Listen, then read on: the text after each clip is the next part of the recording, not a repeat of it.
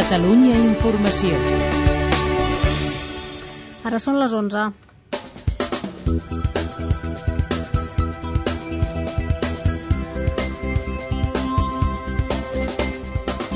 La Reserva Federal Nord-Americana baixa el preu del diner fins a situar-lo en un marge d'entre el 0 i el 0,25%, un nivell històric mai vist fins ara.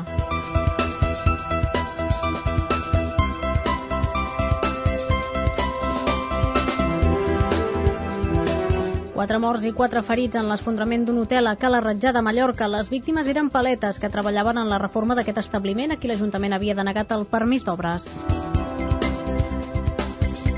La gendarmeria desactiva cinc explosius en uns grans magatzems del centre de París. Un grup desconegut fins ara, el Front Revolucionari Afganès, s'ha atribuït la col·locació de les bombes. Una dona ha mort aquesta tarda a Vilafranca del Penedès abans del seu exmarit. Segons els Mossos d'Esquadra, l'home s'ha suïcidat poc després de cometre el crim. Encara poden quedar alguns plogims residuals cap a la costa central i de manera aïllada a les comarques de Girona. Aquesta nit les clarianes continuaran avançant i estenent-se per l'interior del país i es generalitzaran més de cara a demà.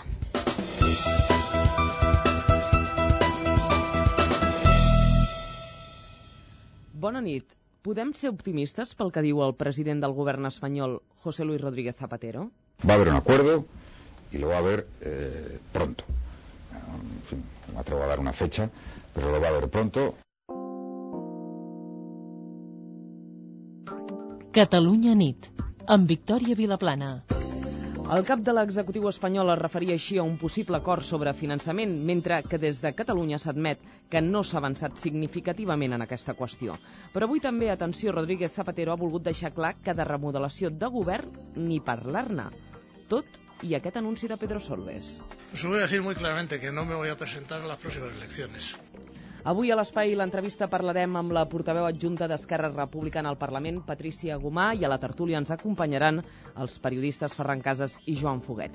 Abans, com sempre, la informació esportiva arriba amb Jordi Castanyeda. Bona nit, Jordi. Hola, bona nit. Com ho tenim avui? De què parlarem? Començarem parlant de rugby perquè la justícia francesa ha negat a la Federació Catalana la possibilitat d'exercir com a membre de ple dret de la Federació Internacional, com demanaven els catalans cofundadors d'aquesta associació internacional l'any 34. Pel que fa al Barça, Márquez és dubte per al partit de diumenge al camp del Villarreal per una sobrecàrrega als isquiotibials i a l'Espanyol es treballa amb urgència per fitxar un migcampista organitzador i ja en un segon ordre de prioritats un davanter centre. Al Mundial de Ral·lis es queda sense un altre equip oficial, és el Subaru. Recordem que aquest dilluns Suzuki també va dir que a causa de la crisi tampoc correria l'any que ve. I resultats que hem conegut fa pocs minuts en waterpolo a la Lliga, el Corcón Arena 9, Natació Barcelona 11, i a la Superliga de tenis taula, Borges, Grup Vall 2, l'Arteal de Santiago de Compostela 3. Gràcies, Jordi. Ens retrobem després. Fins ara.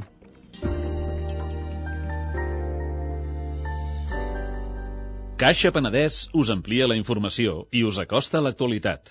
Les notícies més destacades a fons. Caixa Penedès. Persones al servei de persones.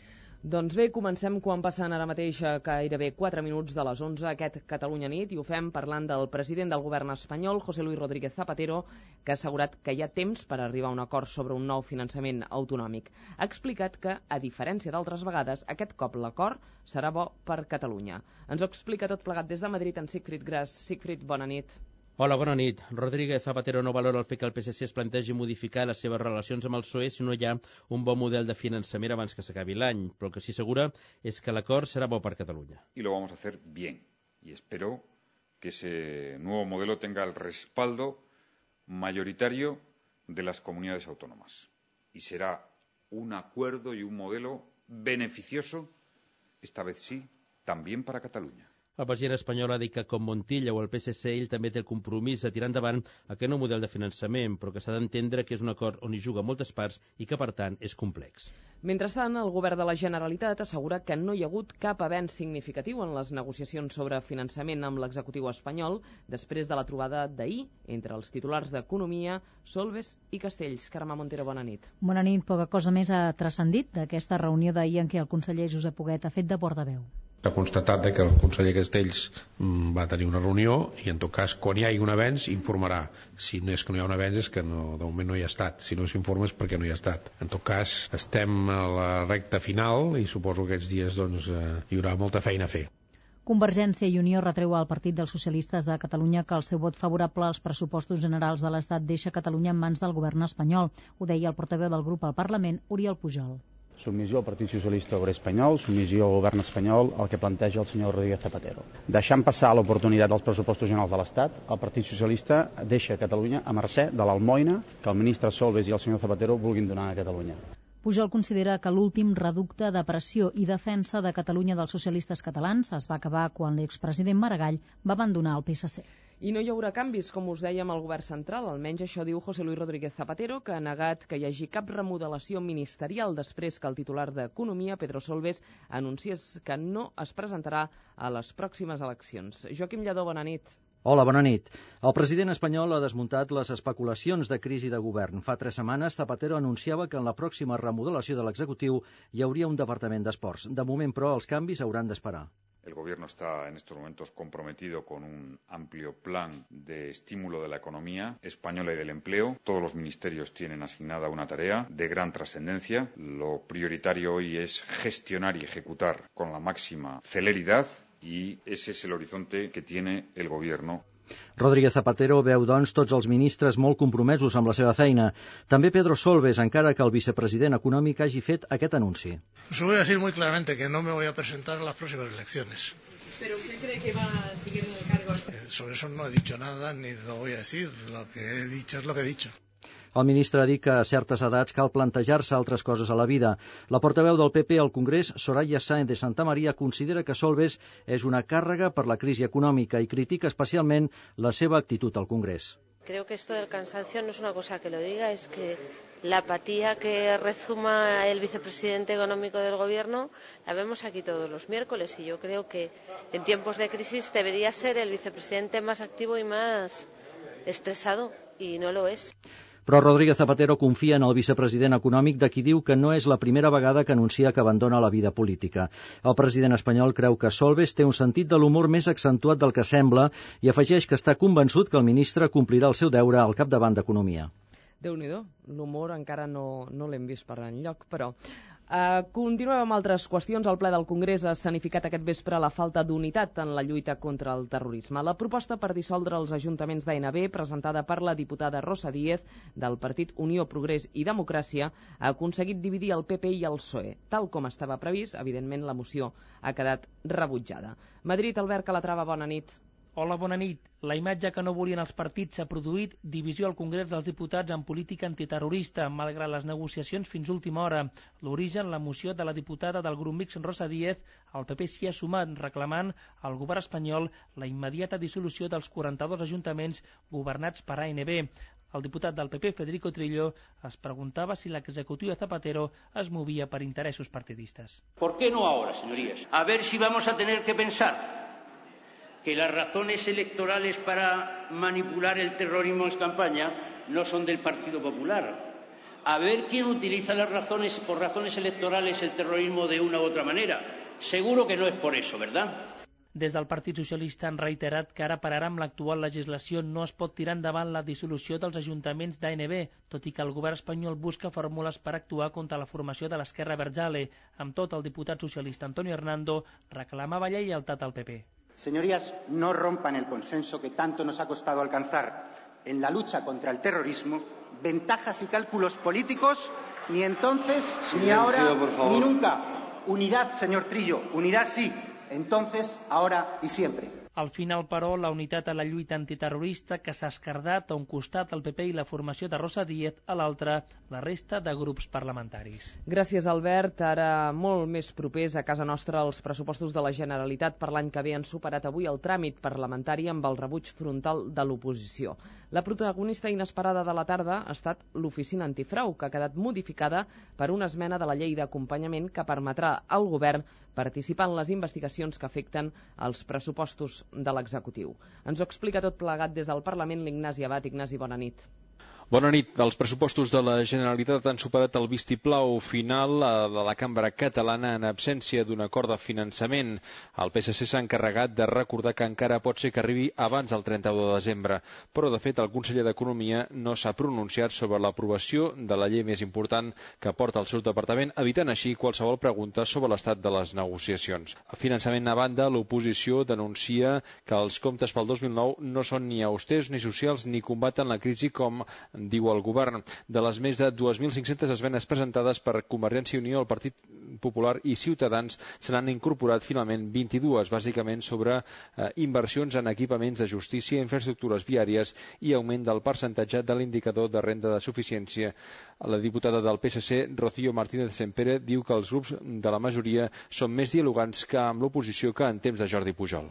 Una actitud que any rere any es concreta en aprovar un nombre molt significatiu d'esmenes. Un nombre d'esmenes que supera en cada exercici la totalitat de les que va aprovar Convergència i Unió en el total dels 23 anys que va governar. El debat de la llei d'acompanyament ha estat marcat per l'esmena que modifica la llei de l'oficina antifrau perquè el govern participi en les investigacions que afecten els pressupostos de la Generalitat.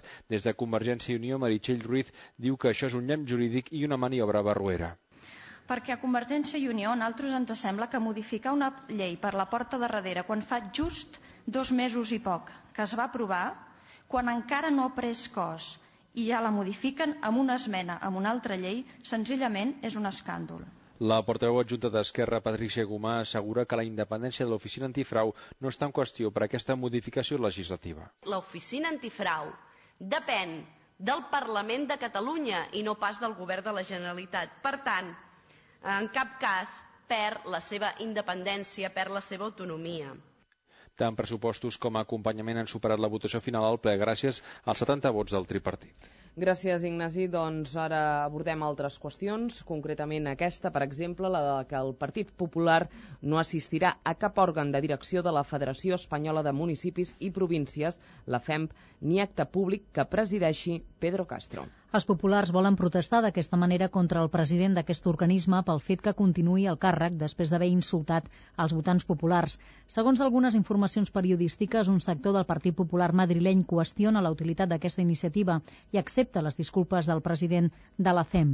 Aquesta nit la direcció del Partit Popular ha negat rotundament que hi hagi cap reticència entre els representants populars de Madrid. El PSOE ha qualificat l'actitud dels populars d'irresponsabilitat institucional. Hem de saber avui també, i hem sabut, que ha caigut a Guipúscoa un presumpte comando d'informació d'ETA. Les detencions s'han fet aquesta matinada a Sant Sebastià i Passaia. Es tracta de dos homes i dues dones que no estan fitxats per la policia, acusats de passar dades sobre possibles objectius a l'excap polític d'ETA, Thierry. L'anàlisi de la documentació confiscada a Thierry, el maig passat, ha portat a les detencions d'aquesta matinada. Entre els arrestats hi ha un redactor del diari Gara que, juntament amb un altre dels detinguts, s'havien presentat presentat com a candidats a les llistes de la il·legalitzada Versale Socialistac a les municipals del 2007. L'operació continua oberta. I acabem amb aquesta informació. El Tribunal Europeu de Drets Humans ha admès de manera parcial, això sí, les demandes presentades en relació amb el judici i les sentències del cas La Seizabala, els dos presumptes aterres que van aparèixer morts fa 24 anys a Alacant. Recordem que en una sentència feta pública l'any 2000, l'Audiència Nacional va condemnar l'exgeneral Rodríguez Galindo, tres subordinats seus i l'exgovernador civil de Guipúscoa, Julen Elgorriaga, a penes de 70 anys de presó pels delictes d'assassinat i detenció il·legal. Avui el Tribunal d'Estrasburg ha decidit estudiar les queixes sobre el dret a un judici just, a la presumpció d'innocència i els drets de la defensa. En canvi, no accepta el dret a ser jutjats davant un tribunal imparcial. La sentència sobre el fons de les demandes admeses no se sabrà fins d'aquí uns mesos. Geni de la llàntia meravellosa. Doctor, no sé què li passa. Vull un televisor. Pidola i pidola. Un ordinador. Tot el dia frega targetes de color verd. Unes vacances fantàstiques. I no és el primer. Unes maletes. Que és greu, què ets de fer? Comprar amb les targetes Visa de Caixa Penedès podrà pagar quan vulgui i, a més, guanyarà regals. Joan sortir va comprar. Targetes Visa de Caixa Penedès. Genials. Caixa Penedès. Persones al servei de persones.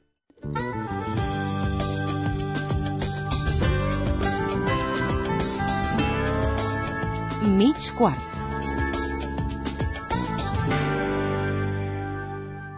Doncs hem arribat en punt ja a un quart de 12 i a aquesta hora és moment d'entrevistar, perquè ens acompanya aquí als nostres estudis al Catalunya Nit, la portaveu adjunta d'Esquerra Republicana al Parlament, la senyora Patricia Guma. Molt bona nit. Molt bona nit.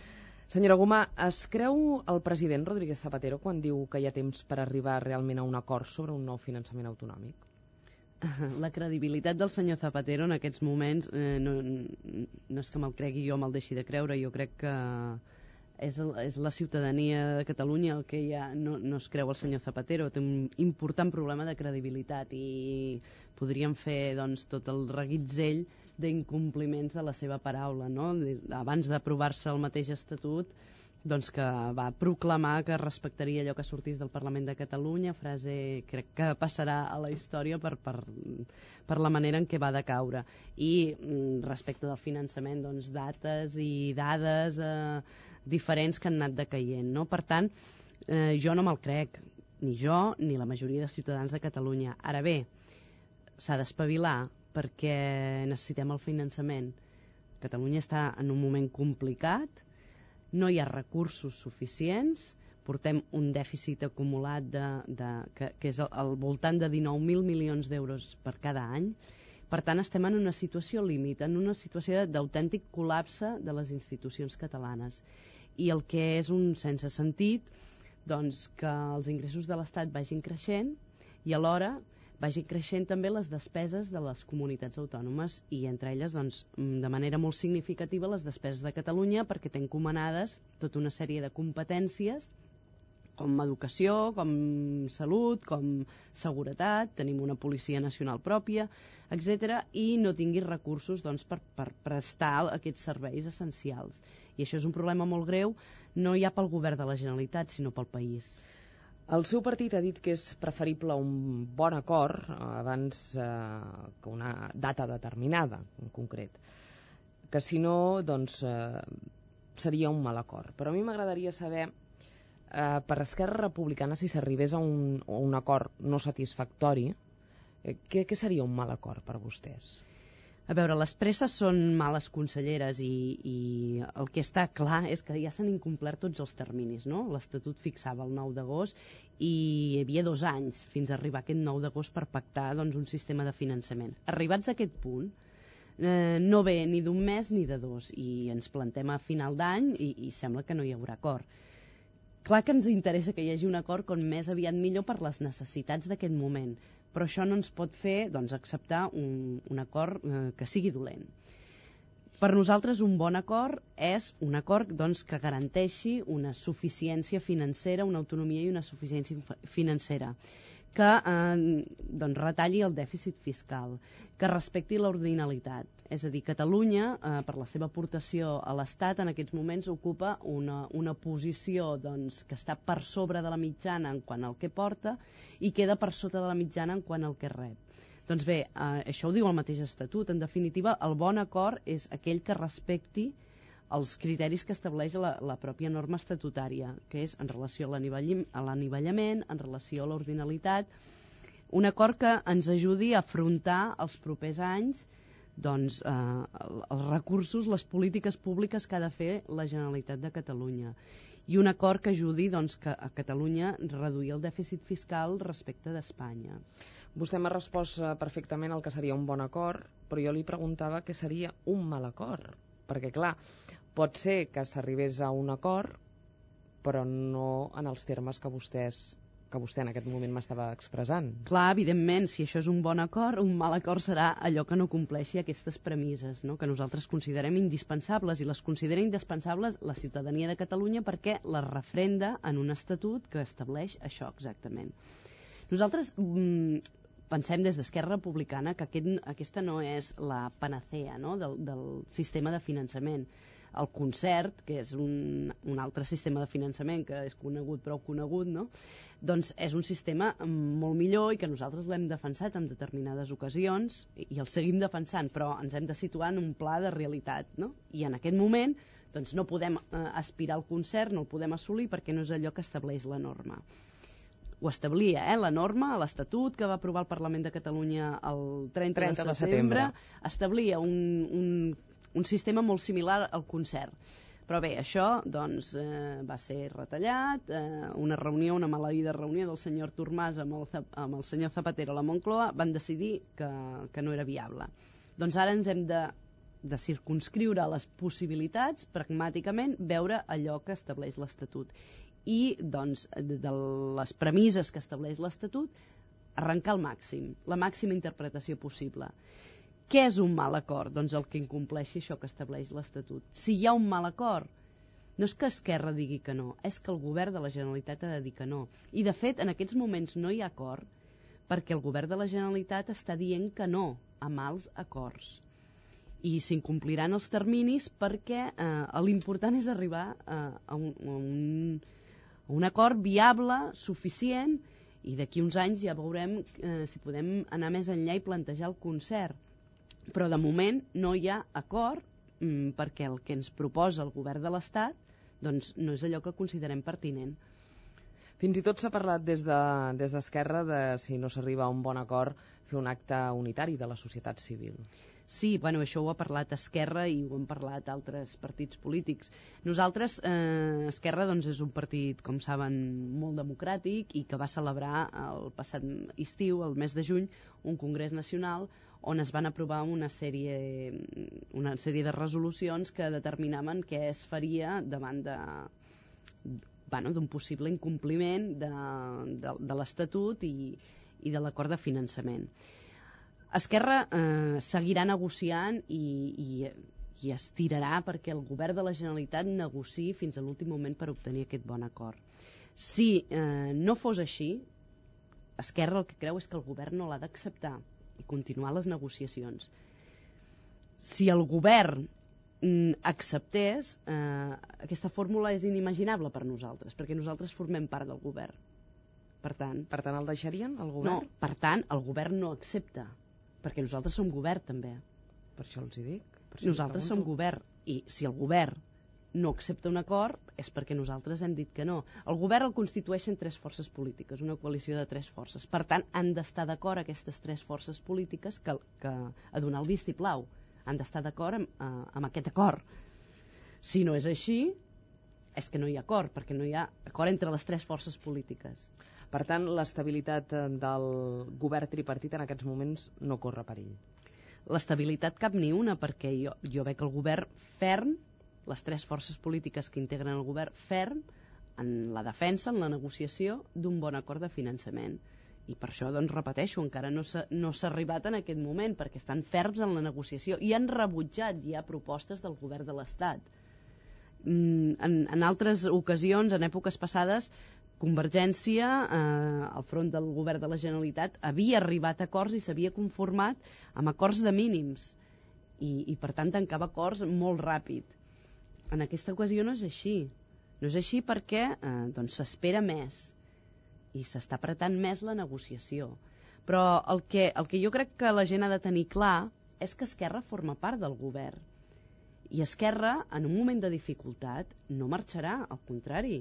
Serà el govern per incidir, per influir, per apretar, perquè és des del lloc on es pot fer més pressió i més força. I seria una responsabilitat que crec que no entendria ningú, marxar del govern al moment que hi ha un problema. Al contrari, és allí on s'ha d'apretar, perquè és el, el, el escenari, la plataforma eh, de major poder per poder negociar de tu a tu amb el govern de l'Estat. Per cert, senyora Gomà, parlant ara de, de govern, de, de presidència també, ara em ve al cap, preguntar-li per al senyor Josep Lluís Carat Rovira, pel senyor Joan Puigcercós, vostè sap, evidentment, com gairebé tothom, que tots dos s'han postulat com a possibles candidats a la presidència de la Generalitat per Esquerra. Vostè és de les que confia realment que hi hagi un acord abans o creu que irremediablement estan abocats a unes primàries? Jo eh, hi confio i estic absolutament convençuda de que, de que hi haurà un candidat i hi haurà un candidat doncs, de consens que, que acceptarem i és obvi, acatarem tots els militants d'Esquerra Republicana i recolzarem. I que no hi haurà cap conflicte en aquest sentit. Perquè és que jo ja directament li, li nego la major no? Eh, no, no té cap sentit i, no, i, i la ciutadania no ho compartiria. Doncs pensar que en un moment en què hi ha uns problemes socials importants, hi ha una crisi econòmica gravíssima, hi ha el tema del finançament sobre la taula, que nosaltres doncs, ens girem d'esquena aquests problemes de la gent i ens dediquem doncs, a discutir els nostres temes interns. Això és una desconnexió total amb l'electorat i, i és un exercici de responsabilitat que hem de fer i no ens podem permetre aquesta desconnexió perquè seríem castigats. Si hi ha alguna cosa que castiga l'electorat és, és la, la discussió, la baralla interna dins d'un partit. Mm, aquí no hi ha una tradició molt democràtica en, en la resta de partits polítics i les primàries doncs, eh, no són enteses no, per, per la ciutadania perquè no hi ha aquesta tradició en la resta de partits.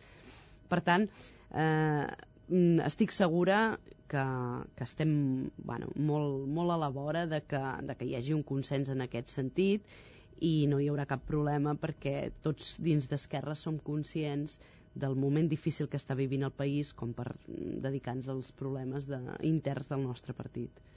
Senyora Gomba, en aquests moments, imagini's que se celebren eleccions, que els tres partits que formen actualment el tripartit poden governar, hi tornarien a un tercer tripartit? Uh, no, no, no tinc cap bola de, de vidre i no, no, no, no, em, no em puc imaginar el futur què passarà i què deixarà de passar. Depèn de moltes coses, no? depèn dels resultats, depèn de... bé, de, de, de moltes coses.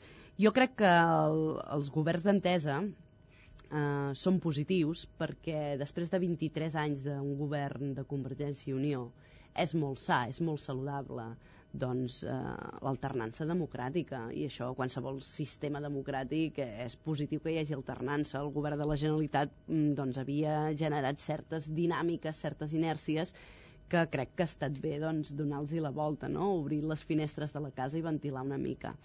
A més a més, eh, s'ha portat endavant eh, qüestions molt importants en aquests darrers cinc anys ha sigut gràcies a la coalició que governa la Generalitat que, que hem pogut tenir un nou Estatut d'Autonomia.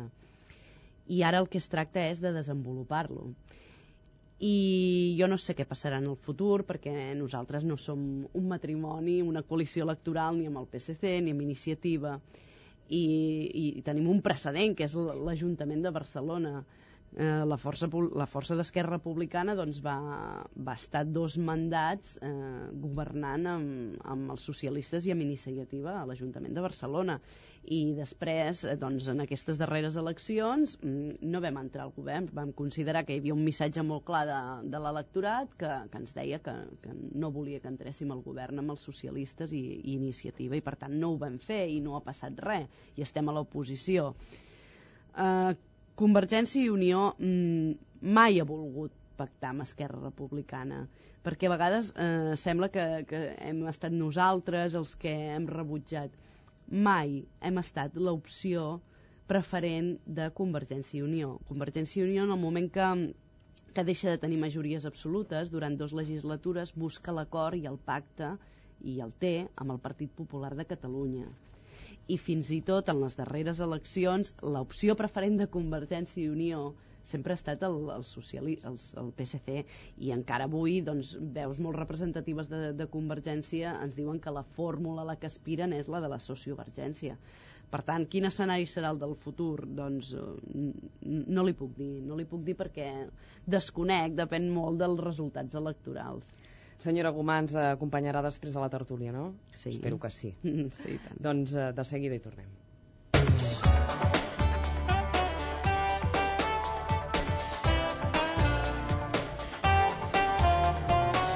Doncs ara és el moment de la informació esportiva amb Jordi Castanyeda. Quan vulgui, Jordi.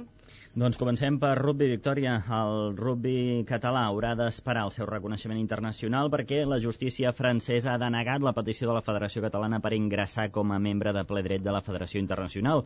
El president de la catalana, Xavier Albert Canal, que deixarà el càrrec aviat, ha explicat al programa Els millors anys de la nostra vida de Catalunya Ràdio que en els darrers temps no ha sentit el suport del govern català a l'època del Rafael Ningú, una persona que vull que jo molt creia i, i, que, i, que, i que efectivament estava, quan necessitaves alguna cosa, ell hi era.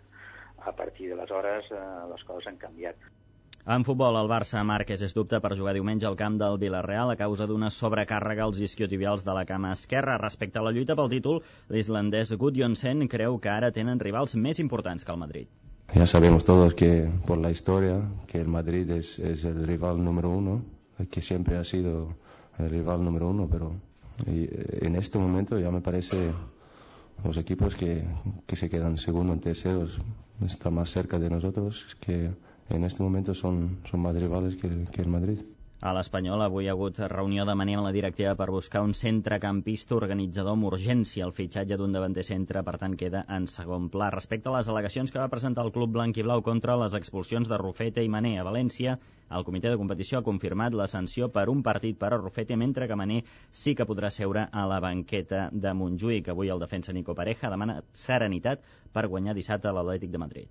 no ir a buscar la victoria, no ir a buscar los tres puntos por la presión y por las ganas de sumar. Creo que, ir a buscar lo, los tres puntos como loco sería sería un error porque el, el Atlético Madrid tiene grandes jugadores y, y nada, salir como loco a veces te, te perjudica o a veces te hace, te hace un poquito nublarte, nublarte la cabeza y nada, eso puede ser contraproducente, así que por eso digo que hay que jugar con inteligencia. I en handbol, el porter del Barça, Casper Witt, deixarà el club a final de temporada. El naixement de la seva filla fa que vulgui tornar a Dinamarca i així ja ho ha fet saber el club. En motor, al Mundial de Ral·lis, ha tingut una altra baixa aquest dimarts. L'equip oficial Subaru el deixa després de 20 temporades. Ara el Mundial es queda tan sols amb dues marques oficials, Citroën i Ford. A la Lliga de Waterpolo, aquest vespre, el Corcón Arena 9, Natació Barcelona 11 i a la Superdivisió masculina de tenis taula, Borges Grup Vall 2, l'Arteal de Santiago 3. Gràcies, Jordi. Ens retrobem després. Fins després. Catalunya nit, amb Victòria Vilaplana.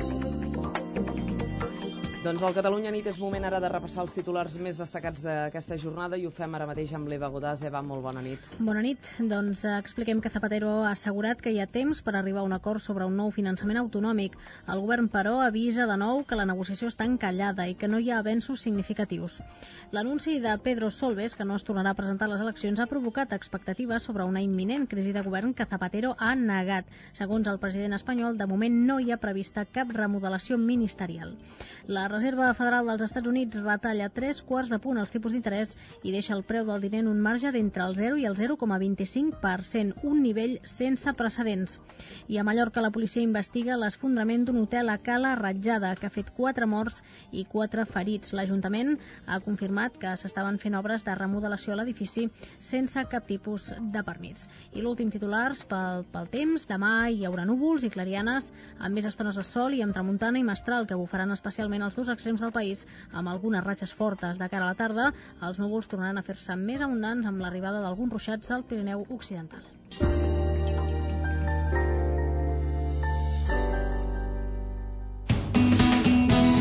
Bona nit. El número premiat del cupó diari celebrat avui és el 85.384, 85.384, 85384. Demà, com cada dia, hi haurà un venedor molt a prop teu que reparteix il·lusió. Bona nit i recorda que amb el sorteig de l'11 la il·lusió es compleix. Catalunya nit. L'anàlisi de la política i els seus protagonistes a Catalunya Informació. Bé, ens ha quedat prou clar ja el número premiat en el sorteig de l'11. Nosaltres continuem a la tertúlia d'avui. A banda de la nostra convidada també tenim els periodistes Ferran Casas i Joan Poguet. Senyors, molt bona nit. Molt bona nit.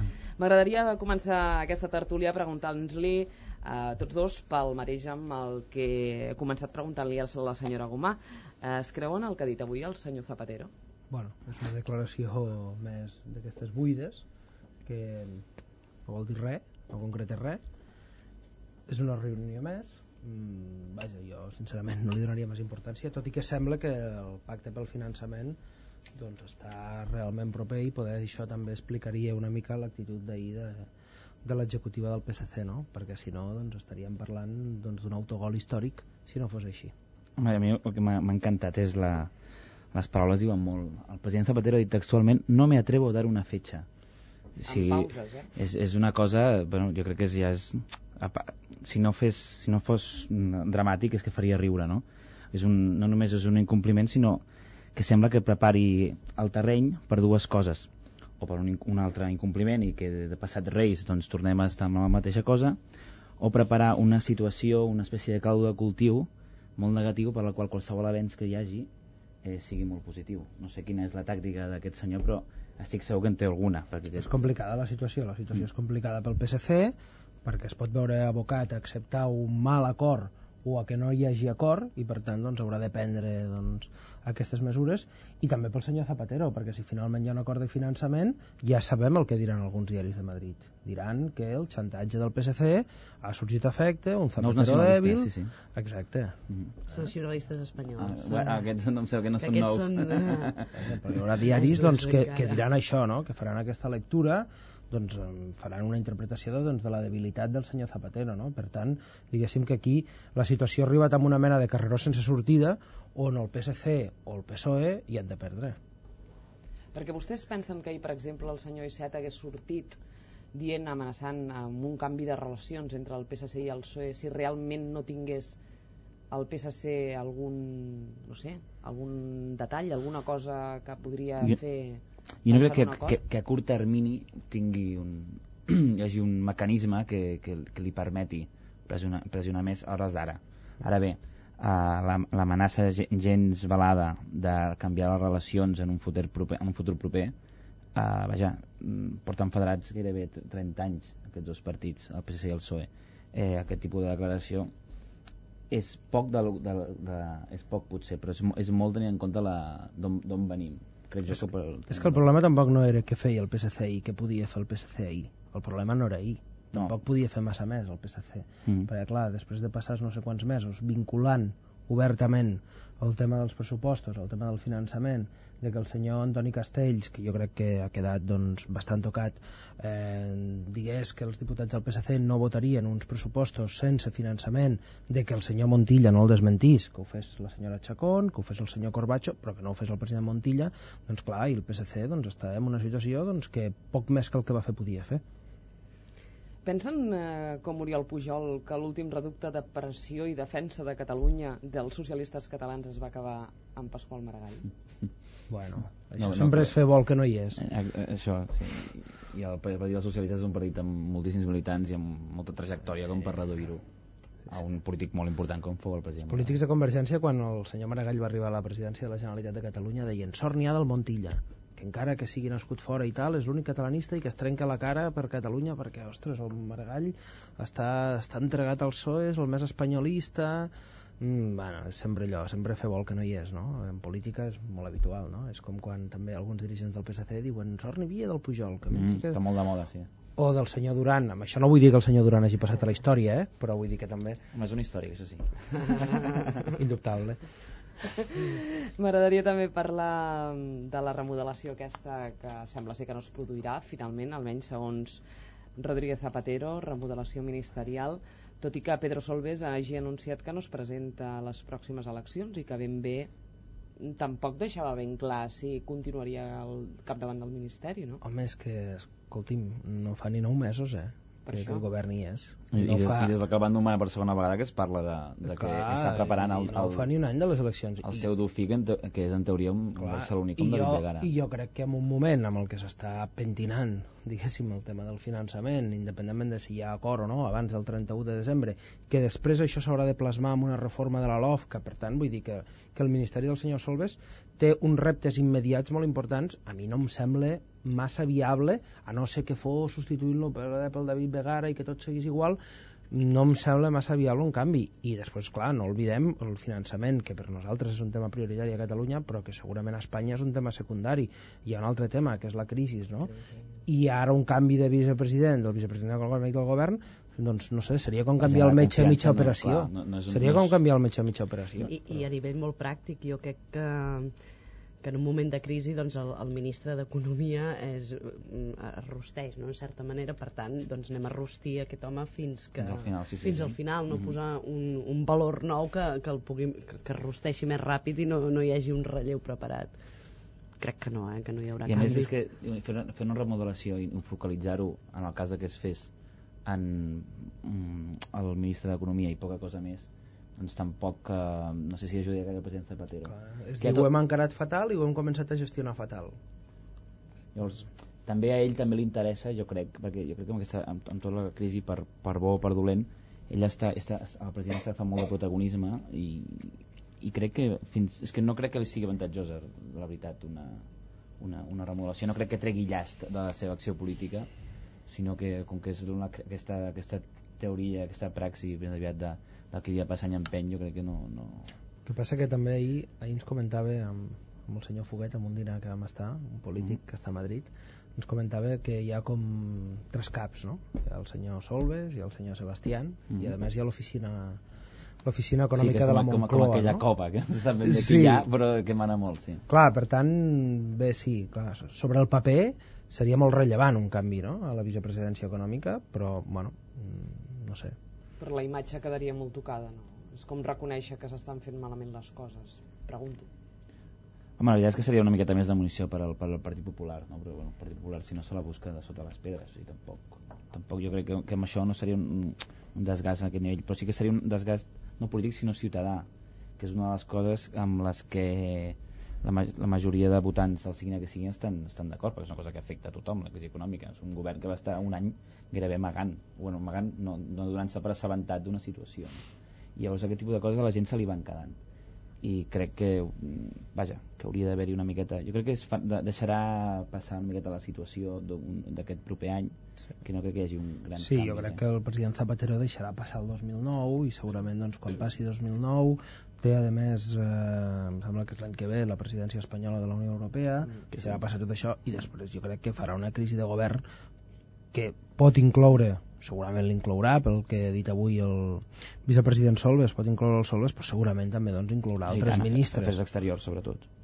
Afers exteriors, bueno, poder Home, ser. de cara podia ser una, una, una de les dels motius posats a fabular sí, ja, eh? ja hi havia dubtes de que repetís seria com de cara a la presidència de, de 2010 no? que és un de- dels punts ara que Zapatero eh, mateix creu que és, un impuls i... que és aquest, aquesta espècie de, de, de, de nou paradigma de la diplomàcia mundial crec, creu que pot, eh, pot acabar de legitimar el seu programa també a, a exteriors jo crec que potser de cara a passat ja aquest, eh, la presidència europea quan ell s'hagi s'hagi configurat completament, s'hagi completat el seu projecte, que veus que hi haurà un canvi de govern. I aquí és, jo és que és una cosa que és una petita obsessió que tinc, però caldrà veure com on va la Carme Chacón, que jo crec que és una persona que està cridada a anar més, a més amunt. Anar més amunt. Que queden poques coses per anar més amunt de ministre de Defensa del govern d'Espanya. Sí. Bueno, sí, pot ser vicepresidenta. Per exemple. dir, fins i tot quan la Carme Chacón va ser ministra de Defensa hi va haver qui va especular amb la possibilitat de que el Zapatero l'estigués assenyalant doncs, com la seva successora. Ui, té un problema, eh? Per ser la successora és catalana, eh? Bueno, però això... No, home, això aquella- no, mai hi ha hagut un president de l'estat eh, català. Home, doncs una democràcia jove.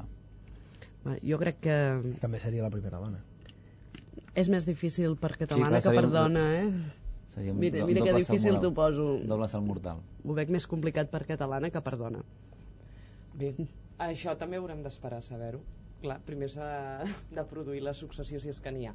M'agradaria que anéssim al Parlament de Catalunya, no físicament, sinó aquesta tarda hi ha hagut debat, eh, els pressupostos concretament de la Generalitat per l'any que ve, han superat ja el tràmit parlamentari, amb el rebuig, m'imagino com era d'esperar, de l'oposició, però la protagonista ha estat l'oficina antifrau, no, senyors? Sí, Però sí, Una perquè- cosa una mica rara, no? És una mica rara perquè, perquè si dir protagonista o, o, o, vull el dir moltes Ja, coses. ja, ja, Ara, aquí, ja, aquí, ja, ja. aquí, aprofitem, aprofitem. Eh? Especialment. Sí, perquè això No, de Colau perquè- així de rondon és una mica, no? No, amb la llei d'acompanyament i tal, no sé. No Bueno, sé. a veure, no, no és cap novetat que la llei de... Potser no és la tècnica legislativa idònia, eh? Però no és cap novetat que les lleis d'acompanyament reformen i modifiquen moltes, moltes lleis Per això es miren tant, sí. mm, materials. Amb vull una dir, llei no és cap novetat, la eh, FNAR això? va intentar posar a la presó l'Ibarretxe. Sí, sí, sí, sí senyor.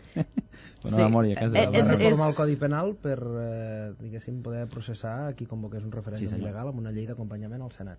No és el mateix, eh? No, no. No. Dit això, No, senyora Gomà... No, però...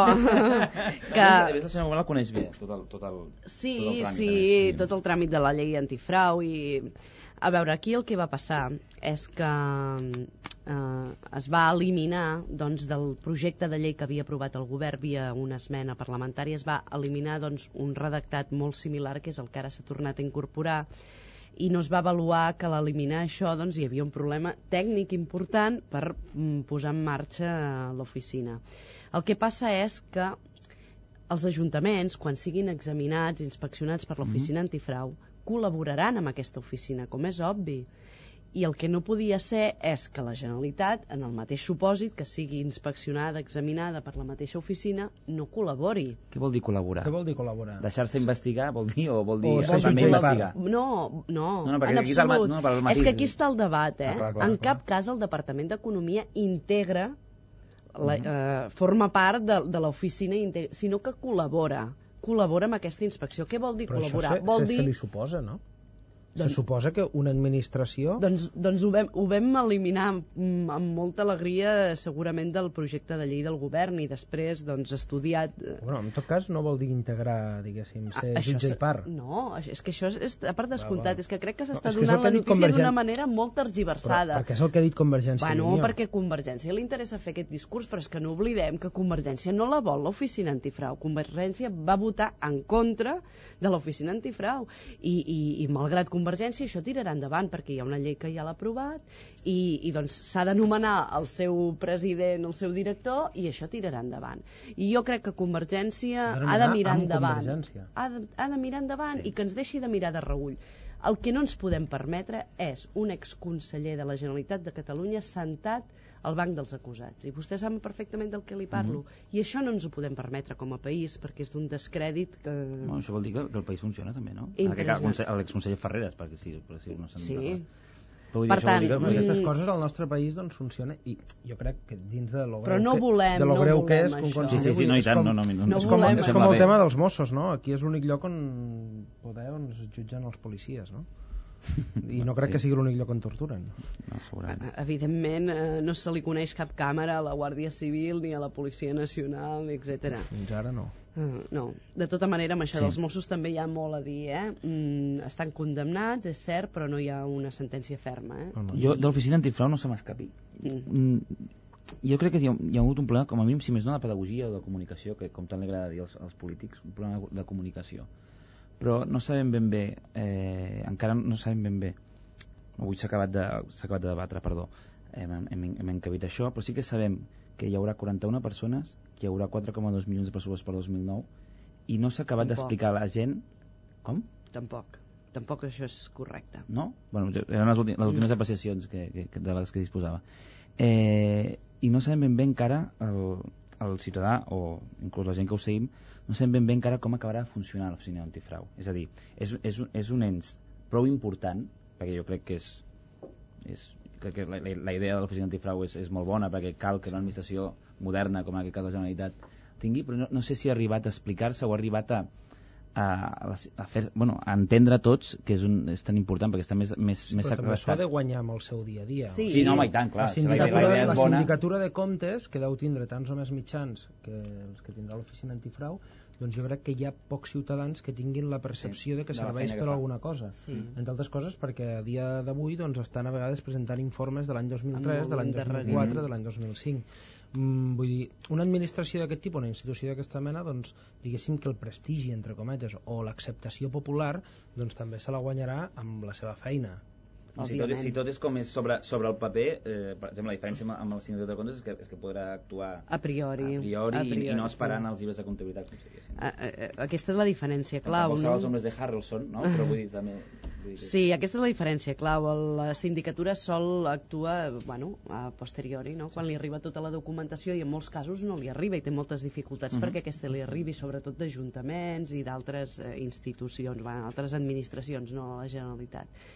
I l'oficina doncs, té aquesta funció preventiva, l'oficina antifrau. El tema econòmic, eh, això és el que, el que deia la diputada del Partit Popular, perquè és la memòria econòmica que acompanyava la llei. Mm. Ara bé, aquí el que compta són els pressupostos. Sí. Els pressupostos que s'han aprovat. I en els pressupostos no hi ha aquesta dotació econòmica, perquè són uns pressupostos que s'adequen a la conjuntura actual. I eh, no hi ha un capítol específic, eh, una secció que vagi doncs, mm, l'assignació pressupostària de l'oficina. Per què? Perquè en el moment que aquesta es, es creï, es constitueixi, comenci a operar, via fons de rescat, el fons de contingència dels pressupostos, d'allí es finançarà. Costarà tenir un, un director, no recordo quin és el càrrec. Ha de tenir un director. Però... Amb dos terços ha de Parlament, sí, sí, necessita una majoria molt qualificada Més del, per, per 8 o 9 anys, si no m'equivoco. del Parlament. Sí. Diguéssim, aquí tenim un problema amb Convergència, perquè si Convergència no està d'acord amb aquesta llei, no està d'acord amb l'oficina antifrau, no sé fins a quin punt vostès pensen que pot eh, realment bloquejar el nomenament d'aquest director i a lo millor doncs, com al seu dia es va plantejar amb el tema de la Corporació Catalana de Mitjans Exacte. Audiovisuals doncs que cal tirar enrere Cal tornar i a modificar, modificar la, la llei. llei. Esperem que no, jo confio que no, perquè és que en democràcia un ha d'acceptar les, les majories i si una majoria al Parlament de Catalunya ha aprovat una llei i, i entra en vigor un, un, un ens que, que és independent, que és autònom, perquè depèn, depèn del Parlament i el dota d'aquest blindatge important que és la majoria qualificada en el nomenament del seu director, Convergència eh, ha de ser responsable i, i, i ha de aportar doncs, estabilitat a aquest projecte no? i ajudar que tiri endavant en extremis pot passar com el, com el cas al que feia referència no? espero que no sigui així perquè crec que aquesta no, no són les maneres miri, jo, el problema si és que és un problema, no? depèn com es miri però el problema de les, dels projectes de llei, de les lleis que fa aquest govern és que el, el, les dota de, de, de majories molt qualificades, perquè les vol dotar a aquests òrgans de- d'una pluralitat ideològica i, i molt important. I després ens trobem en que Convergència això no col·labora, perquè ells mai ho havien fet. Tot ho designava el govern, no passava pel Parlament quan ells governaven. Amb 23 anys no crec que tot Eh, sigui... va, quasi tot, quasi tot. Eh, Bueno, fem lleis... cas, la- l'oficina antifrau haurà de demostrar que val, però també Convergència doncs, no sé si acaba de quedar massa bé doncs, que qui ha governat durant 23 anys quan es Després, parli d'una oficina sí, antifrau apreti a córrer sí, sí, sí, vull dir, la imatge mm, Mm, sí. Segons qui quan parlen dels ajuntaments, també. Exacte. Sí, bueno, eh, els hi diem que mirem endavant, que no mirem de reull i, i anem a construir un, un ens nou per, per evitar situacions en el futur, no, no anem a passar ni a retre comptes del passat. Senyor, senyora, anem ara, si els hi sembla, mirar el futur de les portades dels diaris de demà, del que diuen, i sembla ser que la baixada dels tipus d'interès i ens interessa molt a tots, jo crec. S'emporta el protagonisme demà a les portades, no, Eva? Sí, La Vanguardia amb grans lletres titula Estats Units baixa tipus al 0%. També l'avui ho destaca i el titular és molt similar. El Mundo, menys destacat, però també en primera, diu que Estats Units intenta així frenar la crisi. Nosaltres hem estat parlant durant tota la tertúlia del finançament, evidentment, i m'imagino, Eva, que mereix també un lloc destacat a les primeres planes. Alguns diaris ho destaquen, sobretot els que s'editen a Barcelona. La Vanguardia diu Zapatero diu que hi ha temps per acordar el finançament i destaca que el PSOE ha evitat polemitzar amb el PSC. L'avui és més interpretatiu i titula Zapatero ara no té gens de pressa per al nou finançament. Déu nhi finançament, però avui també, sens dubte, hem parlat eh, durant tota la jornada i en aquesta casa igualment de l'esfondrament de Mallorca, que apareix també, per exemple, en aquesta primera plana del diari Avui. No? Sí, quatre morts a Mallorca en l'esfondrament d'un hotel en obres. Aquest és el seu titular.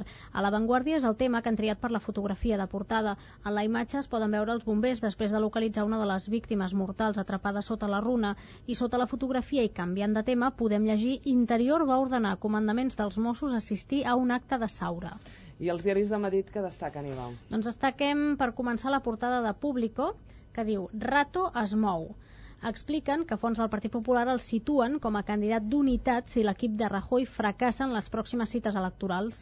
El Mundo va més enllà en l'anunci de Solves, que no es tornarà a presentar a les eleccions, i titula Solves parla de deixar el govern, però Zapatero li exigeix que aguanti. En aquest mateix diari llegim sobre el protagonista de l'última estafa de Wall Street. Madoff ocultava per ell i la seva família 90 milions en efectiu a Londres. I del vicepresident econòmic també parla l'ABC. A la línia del Mundo ho fa. Diuen, Solves demana a crits que el rellevin. Gràcies, Eva. Déu nhi eh? El senyor Solves ben... és el... sembla ser un gran protagonista, És eh? banda carismàtic. És un, no ho sembla, però és un personatge molt carismàtic. Sí, jo no, no m'estaré de comentar la On li portada... veieu el carisma? La, la, portada, la portada del meu diari de l'altre vicepresident econòmic, del que hi havia amb el senyor Aznar. Eh, sembla que el tipus d'interès que baixa també és el del senyor Rajoy. un tipus d'interès a la baixa, el senyor Rajoy, Home, però, sí, perquè sí. realment, doncs, diguéssim, el seu lideratge al Partit Popular doncs aquesta mena de moviments eh, com el del senyor Rato, com el seu dia doncs, el de l'Esperanza Aguirre i tal doncs demostren fins a quin punt doncs, el seu lideratge doncs, no passa pels millors moments i dins de casa seva pocs aposten eh, perquè doncs, tingui alguna possibilitat d'arribar a la presidència del govern. Però com sap molt bé la senyora Gomà, els crítics surten molt a la premsa. Cal, caldrà, ve, caldrà veure... Caldrà veure reconec que el meu diari té certa debilitat. No, no, no, dic, no, dic, no, dic, no dic pel, pel diari, sinó perquè és, és, és, és, és, és cert. El que sí que és cert és, és que el senyor Rajoy a 2009, si no m'equivoco, per ordre, Ferran, si no m'equivoco, és, és gallegues, europees, basques? No, com és? és gallegues europees no, gallegues, basques i Ah, europees basques i europees. Doncs de, que té un calendari que déu nhi i a més tenint en compte que fins, per, sobre, per exemple en les europees no, encara no té ni candidat Mhm. que a més un dels candidats podria ser un dels seus successors moderats en el cas de l'alcalde de Madrid si fos cert posa que realment o el Javier Arenas, però clar, diguéssim que la renovació Javier Arenas mm. no acaba, de, no acaba de casar però ara bé Bueno, el Gallardón dos- també a- porta molts a anys, eh? 2009 el senyor, el senyor Rajoy el, el, el 31 d'aquest mes eh, haurà de tenir haurà de brindar molta força per desitjar-se molta sort perquè tindrà un any complicadot El senyor Rajoy, precisament aquest vespre, hem sabut, mm, no és que hagi dit gaire cosa, però en un acte al costat precisament d'Esperanza Aguirre, ha defensat que ha dit que és molt conscient del que està fent i, i que defensa el seu estil d'oposició. Però això és una cosa que, que en Rajoy sempre ha intentat vendre, que és que és un gran gestor dels temps. I això no fer res, la inacció o el deixar passar, per mi no és un estil de, no, no només de, de fer política, sinó un estil vital. Aquesta cosa de que ja, ja vindran a mi, ja acabaré guanyant. bueno, el cosa senyor del- Zapatero és president del govern eh? Però jo crec que, mira, I s'assembla una una mica amb això, s'assembla una mica amb deixar podrir els temes Això sí, però, però té, ja, ell va cap a una direcció, no sabem ben bé quina, però jo crec que ell va cap a una direcció.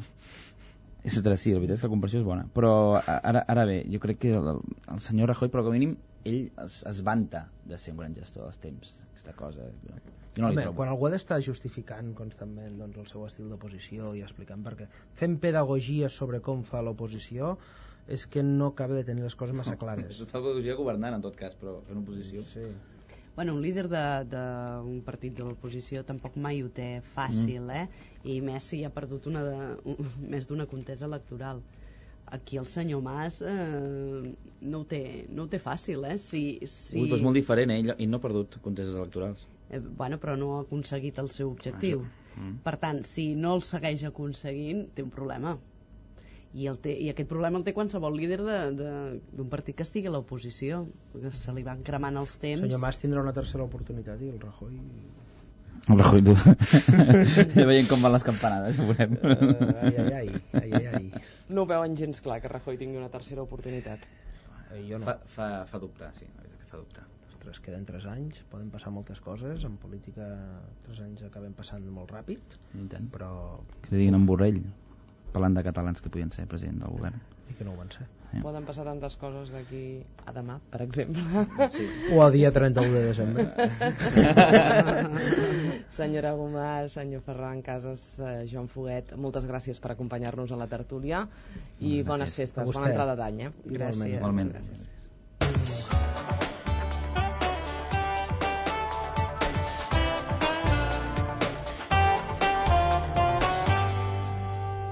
Ens queden dos minuts per arribar ja al punt horari de la mitjanit. Eh, Jordi Castanyeda, hem de reflexionar.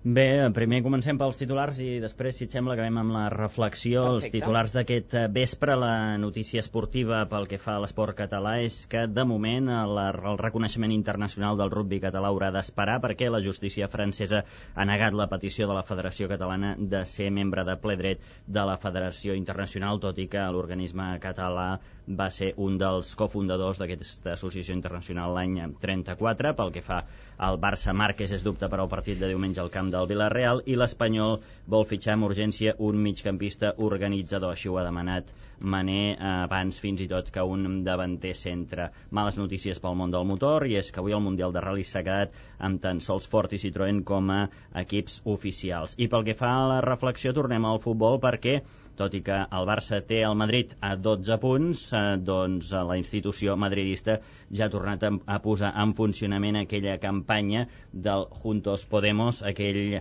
espíritu de Juanito que altres vegades doncs, realment els hi ha funcionat i aquesta vegada volen fer doncs, eh, el triple salt mortal, no? com seria recuperar-li aquests 12 punts al Barça, una cosa que en tota la història de la Lliga no ha passat mai. Veig que el weekend eh, funciona per tothom. Gràcies, Jordi, bona nit. Bona nit. Demà parlarem nosaltres amb la portaveu d'Iniciativa per Catalunya Vers, Dolors Camats. Fins aquí, com sempre, el Catalunya Nit d'avui, que han fet possible la Carme Montero, Eva Godàs, Jordi Castanyeda, Marta Jerez, Júlia Aparicio, la secció de política dels serveis informatius de Catalunya Ràdio i qui us parla, Victòria Vilaplana. Gràcies per la vostra atenció. Molt bona nit.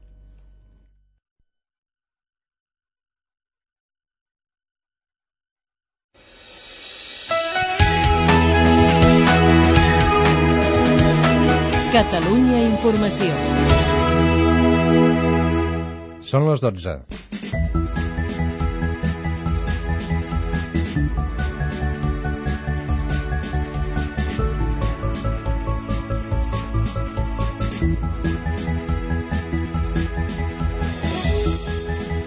La Reserva Federal dels Estats Units es retalla tres quarts de punt els tipus d'interès i deixa el preu del diner en un marge d'entre 0 i el 0,25%.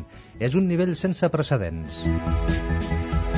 Quatre morts i quatre ferits per l'esfondrament d'un hotel de Cala Ratjada, a Mallorca. Totes les víctimes treballaven en una remodelació de l'edifici, malgrat que l'Ajuntament havia retirat la llicència d'obres.